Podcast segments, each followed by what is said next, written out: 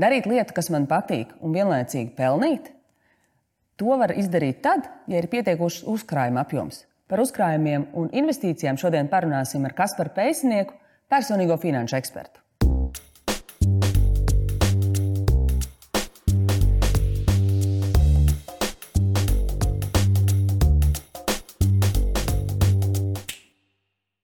Investīcijas un ieguldījumi ir ārkārtīgi interesanta tēma, finanšu pratības tādā augstākā piltāža, bet pirms mēs parunājam par to, kas priekš manis ir ārkārtīgi interesanti, es gribētu pakāpties pussoli vai pat soli atpakaļ. Kas man būtu jāizdara saistībā ar savām personīgām finansēm, ja es saprotu, nu, es neesmu neko daudz uzkrājusi, neesmu neko, nu, kur nu vēl ieguldījusi. Kādi ir tie sagatavošanas soļi, lai es varētu pateikt, ok, es esmu gatava kaut kur, kaut kur ieguldīt? Mm -hmm. Man liekas, ir uh, daži pirmie soļi, kur ir jāveic, lai varētu vispār nonākt pie ieguldīšanas.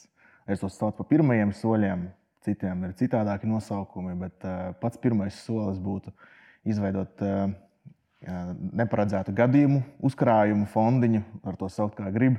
Latvijā normālam cilvēkam droši vien tas būs 500 tūkstoši eiro. Tam ir jāstāv vienkārši kaut kādā atsevišķā kontā vai skaidrā naudā ar domu tādu, ja sabojājas veļas mašīna, vai negaidīts remonts automašīnai, lai nav jāņem kredīti. Nākamais posms ir visu dārgo kredītu atmaksa. Mana definīcija dārgajiem kredītiem ir likme virs 5%.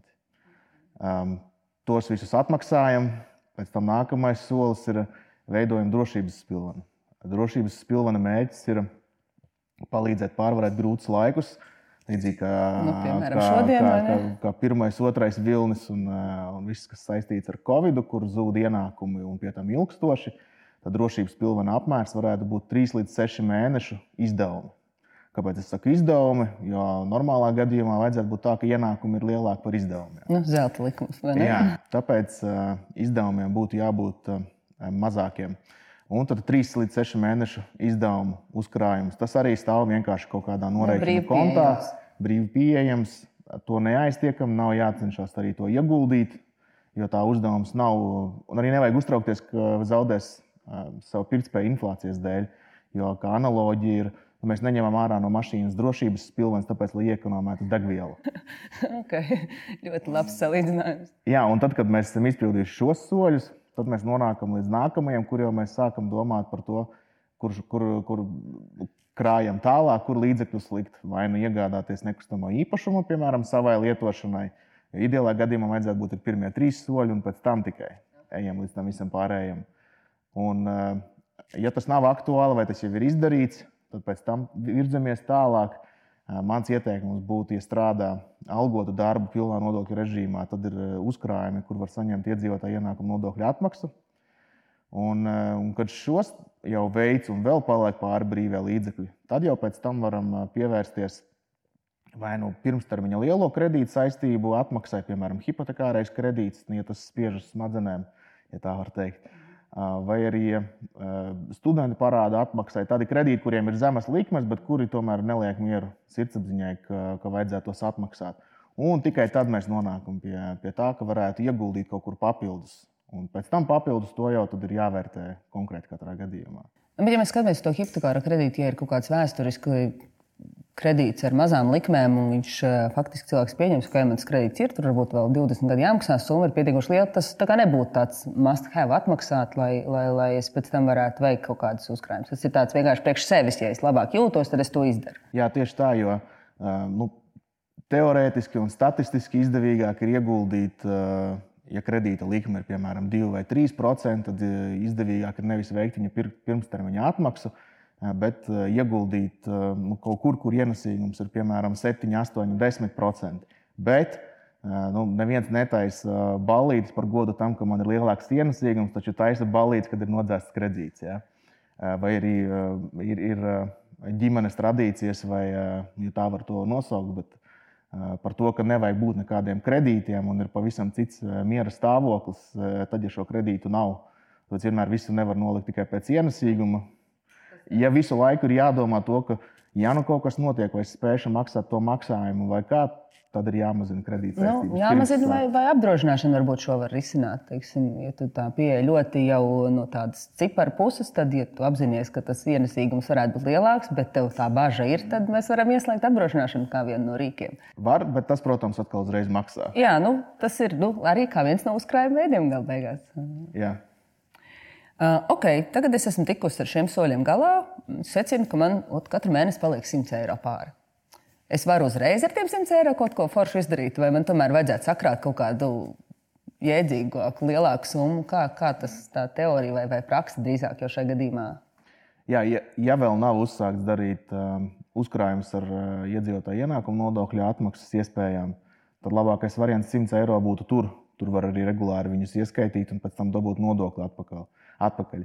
Ja veikt citus ieguldījumus, tad eh, nu, ar 100 eiro diemžēl nav tā, ka varētu uh, uzreiz kaut ko īpaši darīt. Tur uh, jāņem vērā gan minimālie apjomi, kas ir vajadzīgi, lai kaut ko darītu. Nu, piemēram, mēs nevaram pa bišķītim pa 100 eiro mēnesī dzīvokli nopirkt uz īri iedot. Nu, jā, tur kaut kāda pirmā iemaksa būtu vajadzīga. Potenciāli kaut kāds kredītplats varētu tikt izmantots, bet skaidrs, ka tieši tā. tā. Un arī no otras puses, ieguldījumiem finanšu tirgos Ja jau nav izveidots brokeru konts, kur ir citi aktīvi, kas nosedz kopējo to, to masu, kura no, nodrošina komisiju apjomus, nosedz, tad ar uh, 100 eiro tur gluži nevar iet. Un līdz ar to es teiktu, arī pēc tam ir tā, ka šie 100 eiro droši vien ir dažus. Ne tikai mēnešus, bet droši vien dažus gadus jāuzkrāj, lai savācās daži tūkstoši un tad jau pat tās iespējas pavērās plašāk. Nu, cik tā būtu tā, nu, tāda? Nu, skaidrs nevar pateikt ļoti precīzi, bet nu, apmēram par kādu summu varētu būt runa, lai es varētu sākt teikt, ok, es, tagad es esmu gatavs sākt. Mm -hmm. um, protams, sākt uh, padarboties finanšu tirgos, ar akcijas patirgot un tam līdzīgi. Ir arī risinājumi, kur var sākt ar uh, dažiem simtiem un uh, tūkstošiem tur, teiksim, paspēlēties, nopirkt Apple akciju, Tesla. Vienalga, tīri, tīri interesē. Zināšanām, vai ne? Un, un iepazīt tirgu, un arī ir jāsaprot tas, ka daļa no šīs naudas var zaudēt, un tāpēc uh, vajadzētu rīkoties tikai ar tādu summu, kuru zaudējot, nu, protams, ka žēl būs, bet dzīves līmeni tas neietekmēs. Un, uh, savukārt, pēc tam, uh, lai lielāks, uh, tādas jau nopietnākas, ja tā saukt, investīcijas veiktu, es teiktu, ka minimālai apjomi ir sākot no 10 tūkstošiem lai, lai būtu vērts vērt vaļā normālākus brokeru kontus, lai, lai nosaktu komisiju apjomus, lai nenāktos pārmaksāt komisijās tur, kur, tur, kur to var veikt, pieņemsim, šeit Latvijā. Tādējādi. Tātad es tagad esmu beidzot tikusi, man ir tie desmit tūkstoši. Man tad ir vajadzīgs brokeris. Es ne, nu, dzīvokli visiem daudz maz skaidrs, kā nopirkt, bet ar tām vērtspapīra tirgošanu varbūt tas nav tik. Tad, kas ir tie praktiskie soļi, kas man ir jāizdara, lai es varētu teikt, jā, es tagad sāku darboties, un, un tad, tad man ir jāatrod savu brokeris, pēc kādiem kritērijiem to meklēt, kas vēl ir vajadzīgs. Jā, varbūt vēlreiz var mazliet atkāpties atpakaļ to, ka nu, šajā brīdī mēs runājam to, ja tie visi tie pirmie soļi ir izdarīti. Jā, jā, jā, protams. protams. Jo, ja mēs no, no, nonākam pie tā, kāda ir realitāte situācija, kur arī man sanāk sastapties ar cilvēkiem, kur atnāk un saka, man ir 10, 20, 30 tūkstoši, ko man darīt, vai kur man ieguldīt, lai viņi nezaudē savu pirktspēju. Bet tad mēs sākam runāt par to, vai ir plāni tuvākajos, piemēram, dažos gados šos līdzekļus izmantot. Piemēram, nekustamā īpašuma iegādē vai, vai, vai citiem lieliem mērķiem. Ja, ja tie ir nākamie trīs gadi, tad es jebkurā gadījumā iesaku, ka šo naudu neko nevajag darīt. Viņai ir jāpaliek uh, norēķinu kontos, jo ir daudz lielāks risks zaudēt uz, uh, uz finanšu tirgus svārstībām. Ja iegūtu finanšu tirgos, ja iegūtu nekustamajā īpašumā, tur tāpat tās ir gana lielas papildus visādas izmaksas, nodevas, mākslinieka komisijas, ka trijos gados nav iespējams, manuprāt, neko tā nosakt. Un līdz ar to ļoti atkarīgs no termiņa. Jo šis termiņš paliek garāks, ideālajā gadījumā būtu tā, ka ja mums šie līdzekļi ir paredzēti tādi, ko mēs ieguldam nu, un aizmirstam un nu, domājam par vecām dienām. Tādā gadījumā, jā, tad jau mēs skatāmies, kur to var ieguldīt. Ja veids ieguldījumus reti un pa lielām summām, tad uh, var arī to darīt Latvijas bankās, lai gan pie mums Latvijas bankās ir ļoti augstas komisijas. Uh, savukārt, ja, ja, ja veids biežākus ieguldījumus un uh, un vēl gribās mazliet papildus padarboties ar kādām akcijām vai plašāku instrumentu klāstu iekļaut uh, savā ieguldījuma portfelī, tad jāpaskatās ārpusē ir brokeri, kas ir uh, nu, jau ar zemākām komisijām. To mierīgi var darīt tos, tos var atrast. Tie ir arī Eiropā, tie visi ir regulēti, reģistrēti. Tas, protams, ir ļoti svarīgi. Mm -hmm. nu, jā, tā tad pārbaudām, lai tas brokers ir reģistrēts. Faktiski neesam ierobežoti tajā, ka ir tikai Latvija. Mēs varam paskatīties arī uz, uz Eiropā reģistrētiem. Nu, okay, tagad tas konts man ir, bet es varbūt esmu pēc izglītības, neesmu finansists, es varbūt esmu nezinu, mākslinieks. Es īstenībā no tām finansēm nu, pilnīgi neko nesaprotu tad tajā gadījumā tas brokers var būt arī mans padomdevējs, ko tad pirkt vai kā tas praksē strādā. Praksē gluži tāds nestrādās. Brokeris tipiski būs vienkārši platforma, kur pašam ir jāzina, kuru pogu nospiest, lai kaut ko nopirktu. Līdz ar to, ja zināšanu vispār nav, es teiktu, ir divi varianti. Viens ir vai nu veltīt gana daudz laika, lai visu izpētītu un uzzinātu. Otrs variants ir palūgt kādam palīdzību, kurš to zina. Bet tas nebūs brokeris, tas būs kaut kāds konsultants tajā jā, brīdī. Jā. Un, uh, pirmajā gadījumā, un, un nav tā, ka to nevarētu izpētīt pats visu. Vienkārši tam ir eh, jāvelta gana ilgs laiks.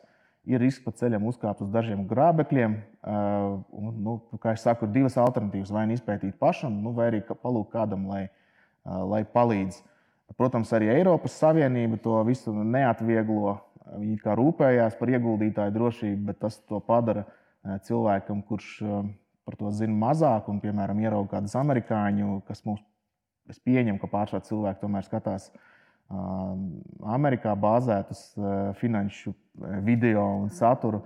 Un tu, tie instrumenti, kas tur bieži vien tiek apspriesti, tie Latvijā un Eiropā nemaz nav pieejami Eiropas ieguldītājiem. Līdz ar to ir jā, jā, jāvelta vēl laiks, lai atrastu to, nu, kādā veidā var tālāk veikt ieguldīšanu finanšu tirgos ir kaut kāda informatīva platforma, ko var palasīt, vai lai saprastu. Jo izklausās, ka tur tomēr diezgan daudz ir jāapzinās. Un tad es arī kaut kādā mērā saprotu daļu Latvijas iedzīvotāju, kurus pats personīgi pazīstu. Kur Kādas akcijas? Nē, es nopērku savu dzīvokli, es saprotu, viņš ir man fiziski. Es visticamāk neko nezaudēšu, ja nenotiks kaut kāda ārprātīga eksplozija.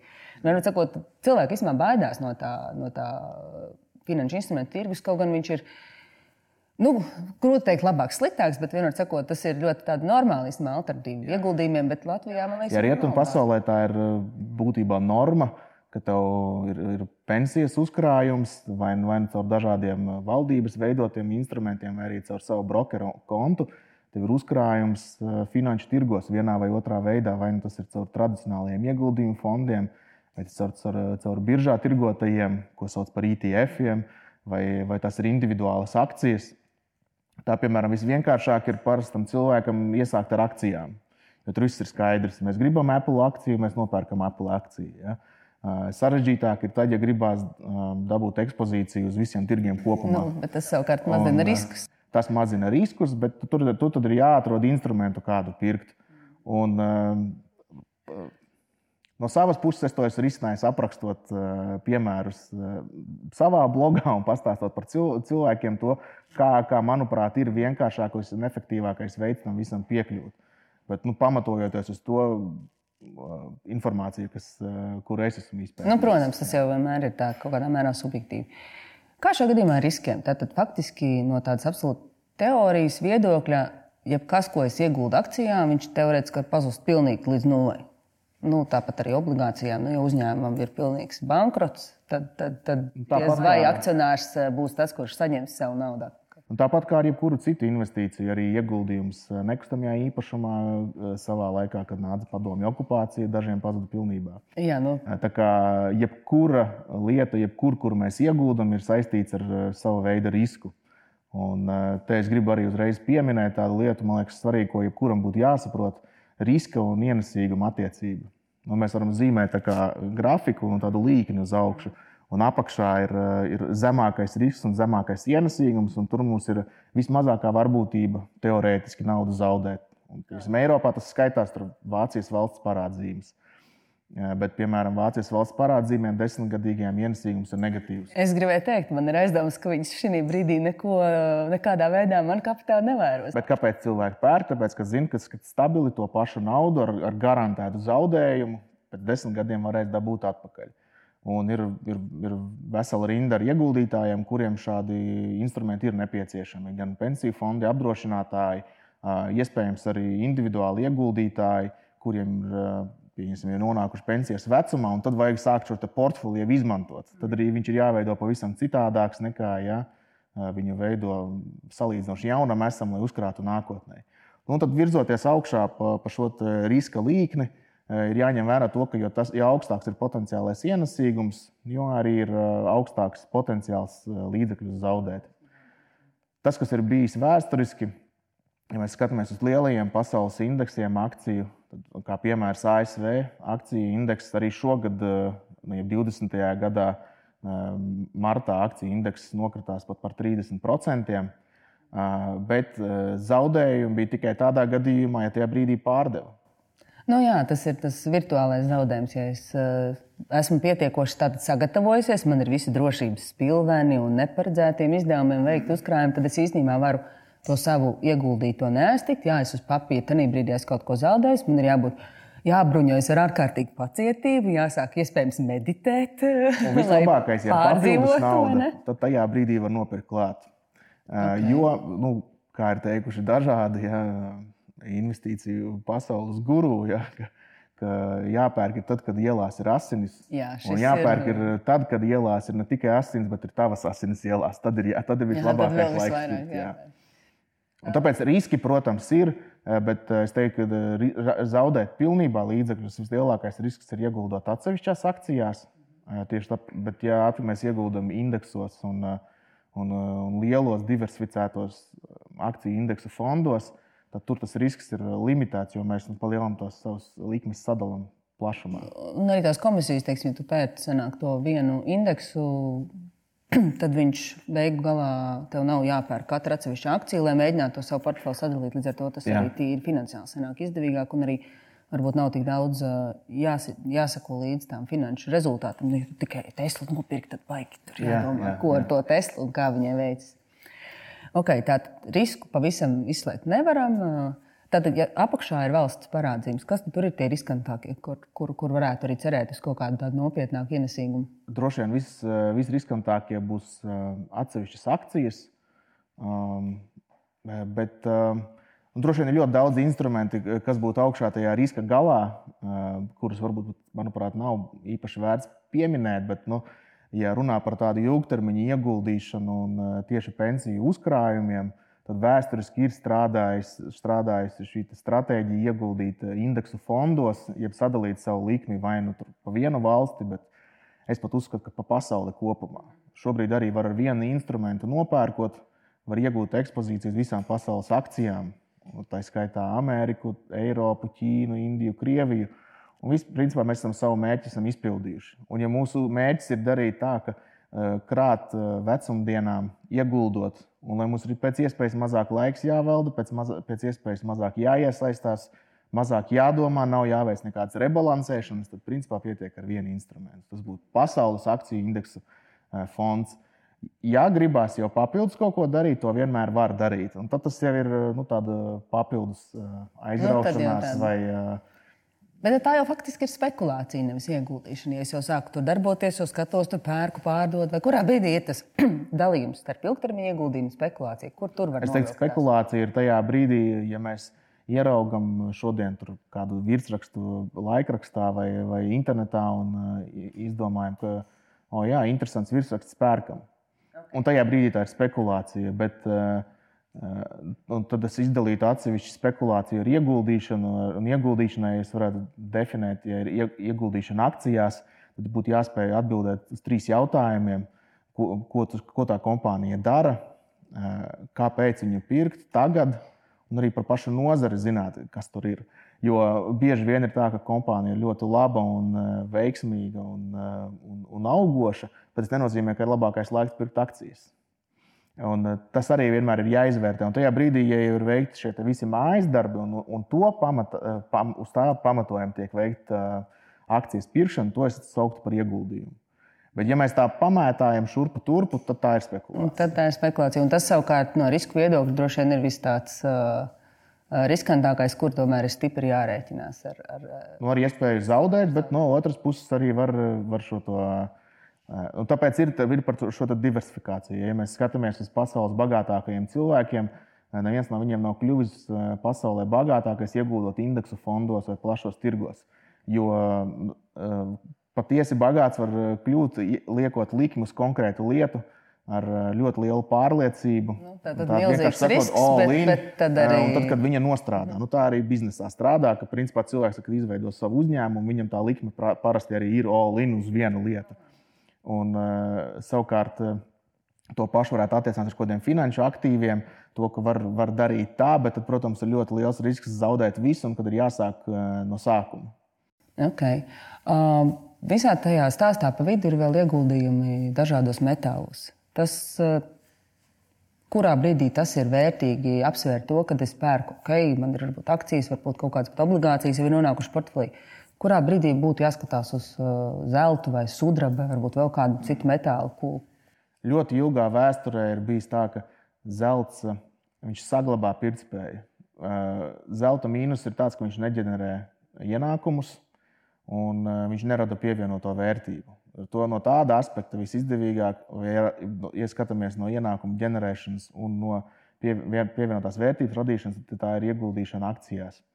Savukārt, zelts var kalpot kā papildus nu, por, portfeļa diversifikācijas elements, vai arī nu, īsa vidēja termiņa ieguldītājiem, varbūt pat traderiem, kurus ar gluži nesauktu par spekulantiem, viņi tur tomēr ir pamatojumi, kāpēc parasti tiek iegādāts vienā vai otrā brīdī. Un tad no tāda skatu punkta skatoties, var, ja ir uztraucamies par to, ka valūtas zaudēs savu pirktspēju, tad, tad kādu daļu no portfeļa var, var arī turēt dārgmetālos. Bet tur vienmēr arī ir jā, jārēķinās ar to, ka ar to arī saistās izmaksas. Piemēram, ja mēs nopērkam zelta stienīti, tad mēs jau esam samaksājuši bidāski, ja pirkšanas, pārdošanas to starpību, kas ir iekļauta. Tāpēc tā kā valūtas kursiem mēs redzam vienu cenu, pa kuru nopirkt, pa kuru otru pārdot. Un parastā starpība jau ir tur daži procenti. Tad vēl ir jāpadomā, kur mēs glabāsim. Un jāņem vērā to, ka ja tas, mēs to izmantojam kā apdrošināšanu par tā apakalipsi. Tas arī droši vien nestrādās. Ja nav tā, ka tikai mēs zinām, ka mums šis zelts ir, pērkot zeltu arī par lielākām summām, tāpat tās ir jāizpild deklarācijas, un tad, tad ir cilvēki, kas to visu zina. Tad eh, jautājums, vai mēs gribam turēt mājās. Tālāk ir jautājums, ja ne mājās, tad mēs varam turēt kaut kādā seifā. Tās uzreiz ir izmaksas. Jā. Un, uh, tam ir risinājums, ka var turēt finanšu instrumentos. Mm, tad, Piemēram, tas, tas pats zelta jā. ETFs, uh -huh. jā, jeb biržā tirgots fonds, kuram ir aizmugurē fizisks zelts. Nu, tas būtu tāds instruments, kuru mēs pērkam, pērkam tieši ar tādu domu, ka nu, kopumā valūtas zaudē pirktspēju. Un nu, zelts varētu to visu izbalansēt. Bet, ja mēs gribam pirkt kā apdrošināšanu pret apakalipsi, tad droši vien nē, jo, ja būs nu, apakalipse, tad, tad arī visi finanšu instrumenti, viss sabruks. Virtuālais un... zelts nebūs īsti vairs pieejams. Un jautājums, vai mēs varēsim ar zelta monētu nopirkt maizi. Nu, droši vien tas, tas būs pat nu, ļoti dārgs maizītes. Jā, tūkstoš maizītes vajadzēs pirkt uh, pa vienu zelta monētu.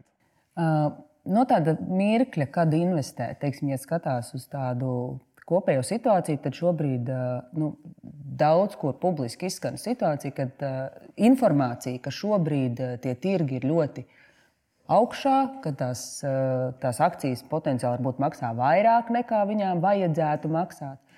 Uh, ir, vai tomēr vienkārši meklējam tās, kas ir izdevīgas un negaidām kaut kādus zelta laikus, kā šai gadījumā uz šo skatīties?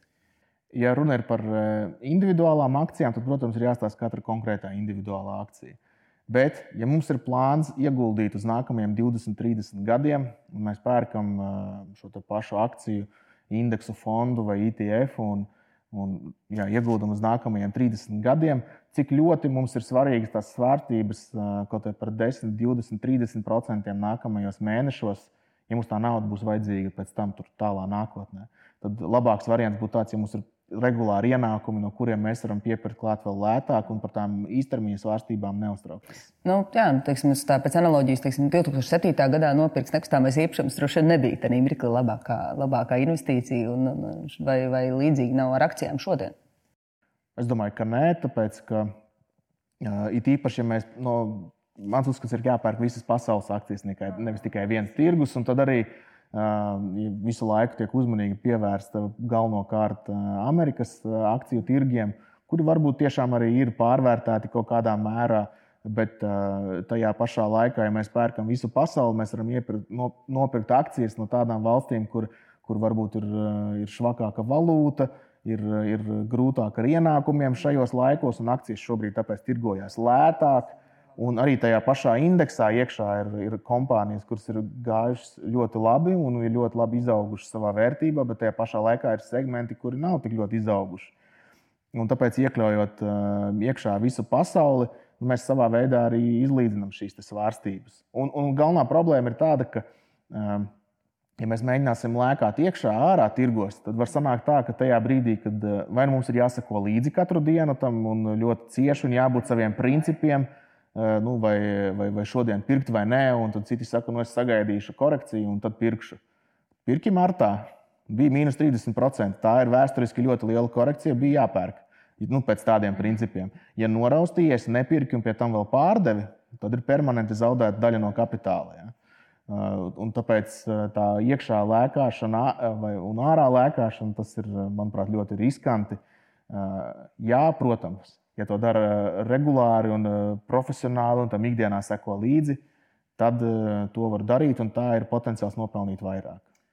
Nu, super. Es domāju, ka mēs šodien esam ārkārtīgi daudz uh, uzzinājuši. Noslēgumā trīs lietas, uh, ko mēs varētu paņemt no šīs sarunas, katrs, lai rīt mēs finanses varētu sev priekš sevis organizēt labāk. Jā, pirmais ir jāizpilda vismaz pirmie trīs soļi, lai nonāktu pie, pie nākamajiem soļiem, ka var veikt investīcijas. Tālāk ir jāsaprot ar to naudas apjomu, kas mums ir, kādi mums ir mērķi.